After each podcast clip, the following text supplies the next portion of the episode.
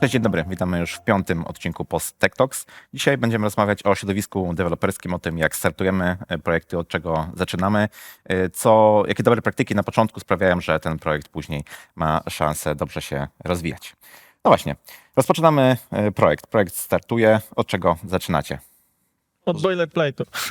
Okej. Nie, bym powiedział, że pozbierania zespołu do kupy. W sensie, że wiecie, zbieramy zespół, definiujemy zadania, sprawdzamy, czy wszystko rozumiemy. Jakby myślę, że to jest taki dobry init na początek, nie? W sensie postawienie środowiska, jakieś e, ustawienie sobie wszystkich repozytoriów i tak dalej, jakby zdefiniowania, w czym robimy, co robimy, kim robimy, czy wszyscy wszystko rozumieją i czy jesteśmy gotowi, e, czy wszystko, co zostało wrzucone od klienta, czy od e, jakiegoś tam zespołu grafików jest ok i czy jakby jesteśmy gotowi do tego, żeby w ogóle technologicznie ruszyć. Nie wiem, jak to u was wygląda dalej. Um, Czy też macie taki etap researchowy, czy nie? Czy... nie, no zdecydowanie mamy taki Okej. etap researchowy, e, nazywamy go Discovery nawet. Okej. E, I em, Jak wszyscy.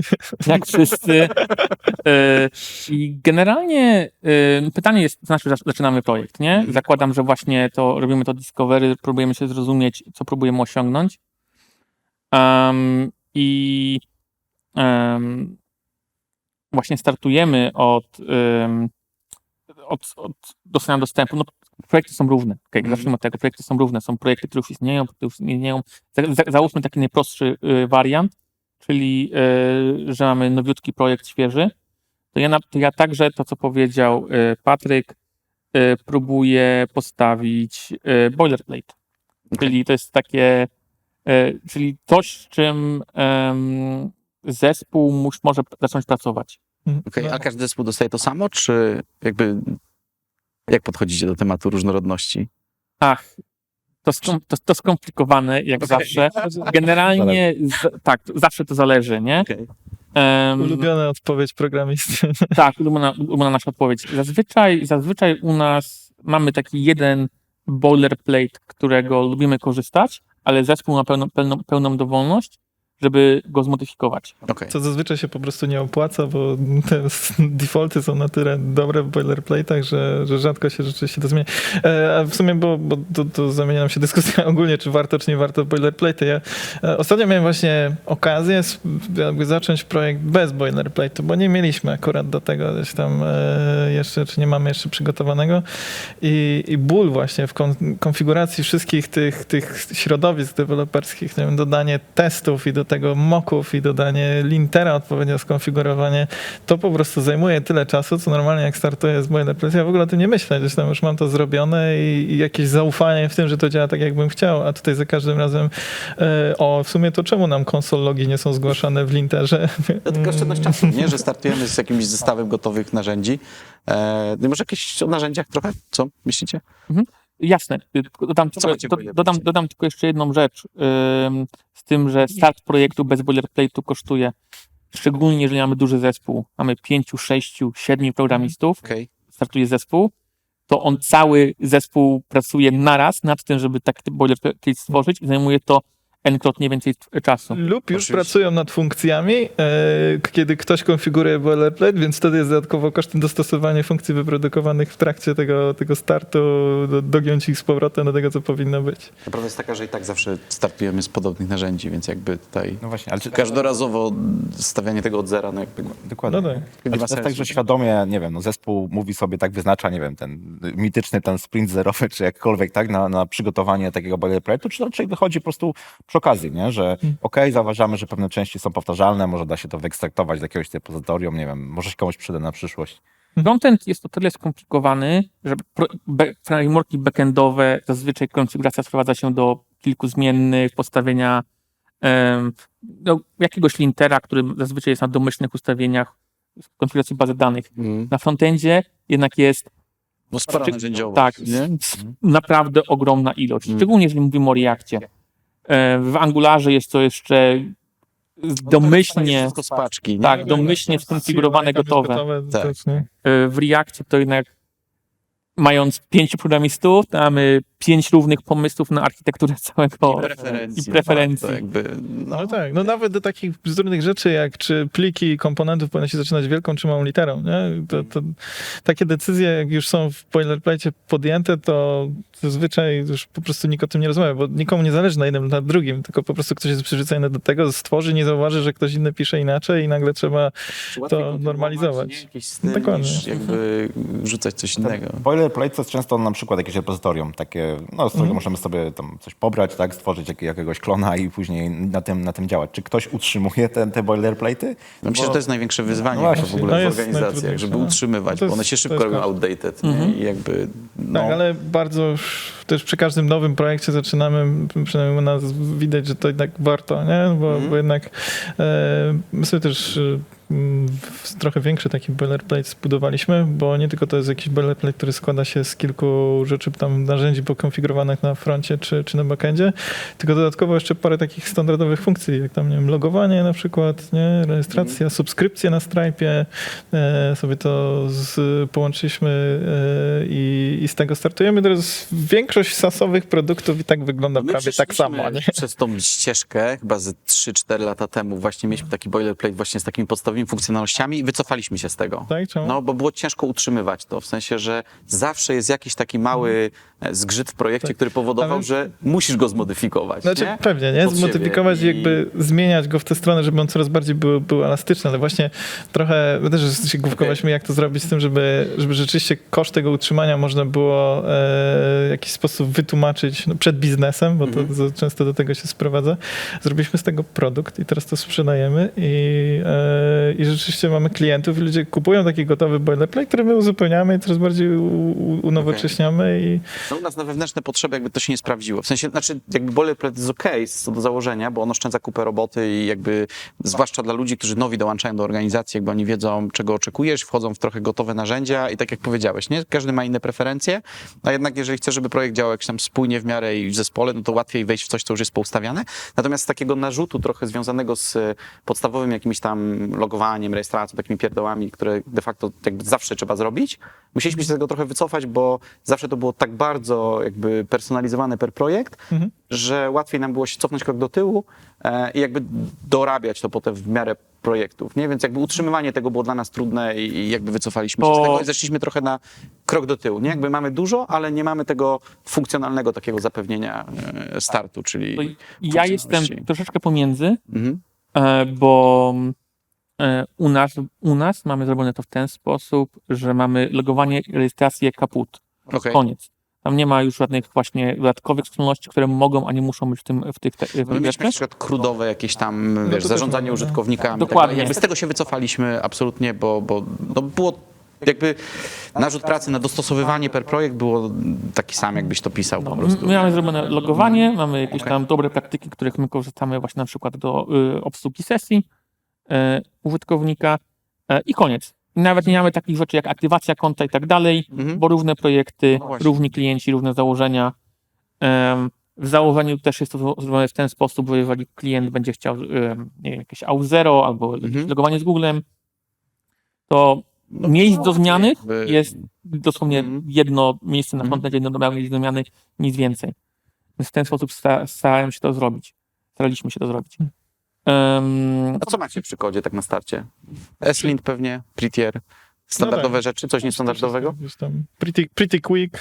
em, to, co ty powiedziałeś wcześniej, że, ma, że rob, rob, robisz kilka repozytoriów, Mhm. to my y, mamy, y, to ja się staram y, zawsze ludziom mówić, żeby robili właśnie projekty niezależnie od języków, monorepo, Okej. backend w jednym miejscu, frontend w jednym miejscu. My rozdzielamy. E, tak, a, a, a, a z, mo, z mojej perspektywy ja właśnie staram się ludziom pokazywać, że to jest bardzo wygodne, mieć to wszystko jako, jako monorepo, e, więc właśnie te narzędzia Prettier, czy lintery na backendzie, em, formatery na backendzie, wszystko i, i precommit, Mhm. mamy wszystko podpięte właśnie pod, pod monorepo, Okej. właśnie używamy precommita e, z prostym readme, e, hej deweloperze, żeby wystartować, startuj z tym. My w większości też mamy monorepo, e, poza React Native'em, bo to raczej trudno jest trzymać w tym samym repozytorium. Jednak jest inny cykl release'ów, e, bo tak jak gdzieś tam standardowy powiedzmy frontend, backend, wypchnąć się da się w jeden pipeline zrobić i rzeczywiście pójdą razem.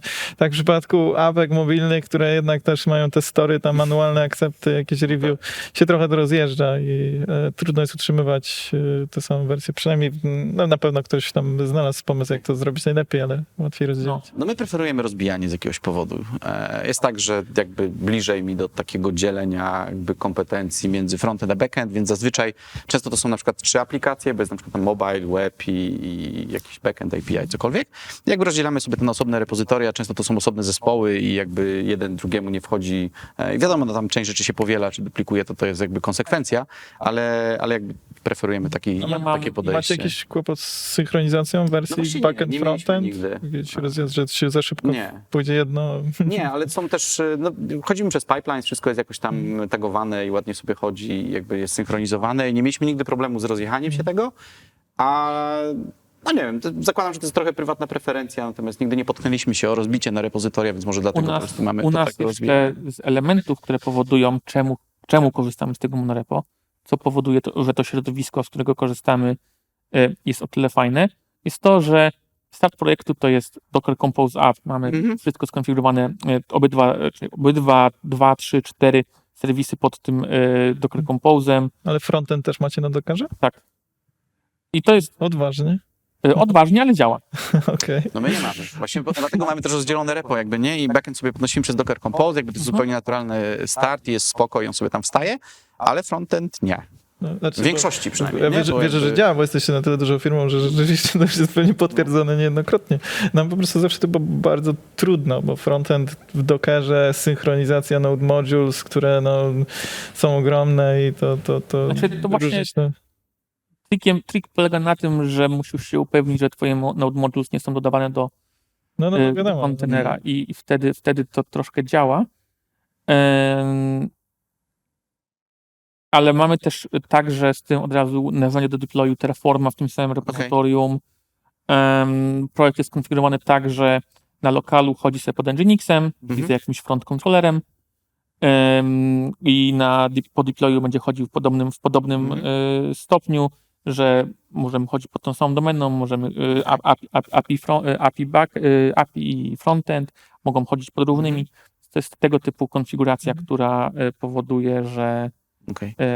Łatwiej nam się obsługuje to. A jak stawiacie środowiska, w sensie takie już potem stagingowe, rozdzielacie jakiś staging, development, QA? w ogóle, nie? Bo to też jest Właśnie. rodzaj boilerplate'u, który Mhm. możemy wykorzystać. To tak, to też mamy część, część tego jest, e, że jest to częścią boilerplate'u, bo no ogólnie całe podejście infrastructure as a code Mhm. e, piszemy w e, CDK w TypeScriptie, e, więc e, środowiska są po prostu stawiane za pomocą e, no, CloudFormation i każdy gdzieś tam, już ten cały kod, który jest potrzebny do tego, żeby to, to release'ować, żeby to miało CI, CD swoje, no to, to też jest zawarty właśnie w tym boilerplate i to akurat w ogóle od tego zaczęliśmy, Okej. że cały gdzieś tam ten boilerplate powstał od tego, że potrzebujemy infrastructure as a code w CDK dlatego, żeby mieć QA, staging, production i żeby można było, zrobiliśmy sobie takie założenie, że projekt jak startuje, to cała infrastruktura jest postawiona w trzy dni, co, co w sumie jest dość małym czasem. U nas na- też jest to taki day one, jakby, nie? Że jak Tak. startuje projekt, to automatycznie jakby startujemy całą infrastrukturę i też tam wspomniałem No. QA, staging, jakby to Mhm. jest taki od, od samego początku i myślę, że to jest taka Tak, u nas, u nas właśnie cały boilerplate polegał na tym, żeby, że chcemy, żeby e, projekt mógł zacząć już pracę nad funkcjonalnościami w pierwszy, pierwszego dnia de facto. mhm. super. Okej, to wypatrzmy sobie, że projekt startuje, jest ten day, week albo sprint zerowy, gdzie się to wszystko dzieje, gdzie powoływane są do życia różne elementy, powiedzmy, tego, e, tego projektu. Te decyzje, które są wówczas podejmowane, no często implikują albo wpływają na to, jak będzie się żyło programistom, jak będzie się dewelopowało te, te aplikacje. Na co z, z, warto zwracać uwagę z waszego punktu widzenia na tym początkowym etapie startu projektu, co może później wpływać na to, czy się będzie dobrze pracowało w tym projekcie, czy, czy niekoniecznie. Ciężkie pytanie. E, to całe zahacza to, cały taki tak zwany, to zależy właśnie, e, UX deweloperski, nie? Bo to, jest jakby to jest jakiś taki user experience dla deweloperów i e, to na pewno na co trzeba zwracać uwagę, to jest to, że z góry trzeba założyć, że większość osób w projekcie niekoniecznie musi mieć wszystkie, całą pełną wiedzę i wszystkie umiejętności do tego, żeby taki projekt postawić. I tak jak Robert powiedział o tym, że mają tam Docker Compose App i to wystarczy, rzeczywiście powinno to tak w większości sytuacji wyglądać, że projekt, w którym e, nie wiem, dołącza i tylko co mówi przez pierwszy tydzień to, że nie mogę zainstalować, to jest, to jest duży fajl i, i zdecydowanie powinno się od początku prowadzić w tym kierunku, żeby tak nie było. E, no tam, tam u- nas akurat używamy też Makefile'a, parę, parę innych jeszcze rzeczy robi poza Docker Compose'em, więc ponieważ frontend też jest poza, poza Dockerem, no mamy Make Up, ale do tego się to sprowadza, że ktoś siada, robi tam Make Setup, Make Up i koniec i nic więcej nie Chyba takim potrzeba. naj, naj, największym koszmarem nie były takie momenty czy czasy, kiedy projekty były szacowane tak, żeby te pierwsze kilka dni było na postawienie środowiska. Nie? Jakby w tym momencie myślę, że wszyscy już dojrzeli do tego, że mamy, niezależnie od systemu operacyjnego, jesteś w stanie podnieść projekt i w zasadzie wystartować z nim od razu i nikt nie musi się zastanawiać nad tym, co doinstalować, jaką ma wersję czego i, i, i- i generalnie jakby nie tracimy wtedy dnia i myślę, że to się też trochę sprowadza do tego, że e, wszyscy dojrzeli, że no jednak czas programistów czy czas inżynierów jest wartościowy, jest drogi i trzeba dbać o to, żeby oni nie marnowali czasu na rzeczy, które są związane z ich, nie wiem, systemem operacyjnym czy środowiskiem aktualnym. Myślę, że Chociaż teraz akurat Apple Silicon, nie wiem, czy już mieliście doświadczenia z stawianiem tych boilerplate'ów swoich gdzieś tam na, na silikonach. Znowu to nam trzeba było jednak e, przejść przez, przez życie, w którym u mnie nie działa, u mnie działa, ale... tak, ale to jest znowu jakby No, no, pojawiło się coś nowego, nie? myślę, że jednorazowe i za chwilę już wszyscy znowu będą mieli wszystko działające Ale dobrze. tak. Nie? Natomiast ja Myślę, że jeszcze wracając do twojego pytania, e, dla mnie na przykład personalnie super ważne jest to, żeby zapewnić spójność w projekcie na starcie, nie? czyli jakby nie zwracać, jakby no, narzędzia to jest bardzo prywatna preferencja różnych ludzi i, i jakby myślę, że chyba najważniejsza taka, taka rzecz, o którą zawsze ja starałem się dbać, czy, czy wdrażać, e, żeby ludzie zwracali na to uwagę, to jest kwestia spójności, że jakby możesz mieć prywatne preferencje, ale jeżeli dosiadasz się do projektu, to jakby powinieneś kontynuować to, co zostało tam jakoś zaczęte, albo jest z jakimś zalążkiem, albo dołączasz do projektu, który już trwa, jakby ta spójność jest dla mnie ważna, nie? bo chyba nie ma nic gorszego niż dosiadanie się do projektu, w którym jest 14 pomysłów na tą samą rzecz i, i, i patchwork jest właśnie, to jest świetne słowo. E, I, I to myślę, że jest takie na takim poziomie meta super ważne, żeby, żeby ta spójność jakoś była. Myślę, że tymi wszystkimi narzędziami, które e, wrzucamy do projektu na starcie, staramy się w jakiś sposób zapewnić to, żeby ta spójność w projekcie była i żeby ten projekt toczył się od początku do końca w miarę możliwie, powiedzmy, spójnie. Nie? Okej, dobra, to co, wyjaśnij proszę, em, co masz na myśli, jeżeli chodzi o spójność, które, elementy mówisz o, o będzie bo. No na przykład? Albo wiesz, to, żeby prehuk ci nie puścił rzeczy, które wypadają z, y, nie wiem, TypeScriptu, ze Slinta, cokolwiek, nie? Jakby wszystko to, co Ale to może... to, żeby też był jakiś pipeline, który to wymusza, bo Tak, jeśli, oczywiście. ja, ja też Jakby- pierwszą rzecz, którą konfiguruję, to jest jakiś tam e, job, który będzie rzeczywiście odpalał te linter, bo, No. bo jak się tego nie zrobi za wcześnie, to trzeba później naprawiać. jak głęboko, jak głęboko ogólnie wyjdziecie właśnie na przykład właśnie z tymi elementami? No pretyr wiadomo stawiasz i e, działa, a jak idziecie z ESLintem? W sensie, czy macie takie elementy jak na przykład nazewnictwo komponentów, nazewnictwo Nie. plików? No właśnie. Nie, nie. E, Nie, no, No. Tak, tak daleko nie, ale na przykład takim najbardziej fringe'owym powiedział, że to kolejność importów. Czyli że rzeczywiście Okej, no. importy gdzieś tam z bibliotek są na początku Tak. i importy e, gdzie te, te, te lokalne są, są później, albo które rzeczywiście są z tego samego folderu, są na dole. Mhm. E, to, to, to może tyle. Ja, no, nie wszystkim gdzieś tam się to podoba, bo no, Znaczy, ja, mam, ja generalnie zawsze wychodziłem z założenia, że importy są dla kompilatora, nie dla programisty, więc dla mnie totalnie nigdy nie miało znaczenia, ale też dorzuciliśmy do naszego boilerplate'u um, sortowanie, e, jak tylko, jak tylko ESLint dodał możliwość, Mhm. jakiś tam plugin, e, robienia fixera, żeby automatycznie e, sortował te importy, to od razu dodaliśmy, żeby nie było ludzi, którzy narzekali, wy versus ludzi, którzy, któ- dla, dla których nie ma to estetyczna trochę, Tak, trochę preferencji tego, ale wiesz, jakby ważne jest to, żeby nie było tak, że w jednym pliku masz tak, nie, a w innym pliku masz alfabetycznie albo, albo jeszcze jakiś tam inny pomysł. Nie? Gdzieś się w stylincie też jest na przykład taka opcja, żeby ustawić, że wszystkie propsy muszą być, e, wszystkie rulesy muszą być alfabetycznie. Okej. Też są takie rzeczy. No to już jest dla mnie trochę przesada. Tak, myślę, że za daleko już idą. chyba, nie?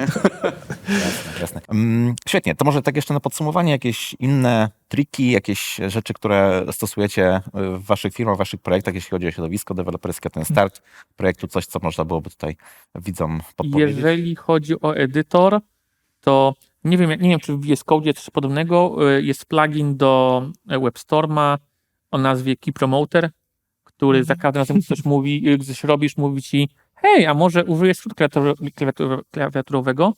I to jest bardzo fajne. I zasłania kawałek edytora i rzeczywiście więc trzeba używać. Bo tak, za- zasłania, możesz, możesz kliknąć na, zignorować elementy, których, No, no, no. których nie, nie lubisz używać jako skrótów, Mhm. ale jest to, jest to fajne i coś, co- coś, co ci pomoże. Ile razy użyłeś akcji, pokazuje bez użycia skrótu klawiaturowego. Mhm. Hmm, kliknąłeś run 12 razy, zamiast nacisnąć F12. No i to znowu fajnie narzędzie do tego, żeby jakiś tam performance y, programisty zwiększyć, no bo wiadomo, że to jest dużo, dużo ciekawsze i szybsze. Tak, taka, taka Fajne. Ja myślę, że moglibyśmy podlinkować kilka jakichś takich polecanych pluginów i, i, i, rzeczy, które używamy i może ze słowem komentarza komuś się przydadzą.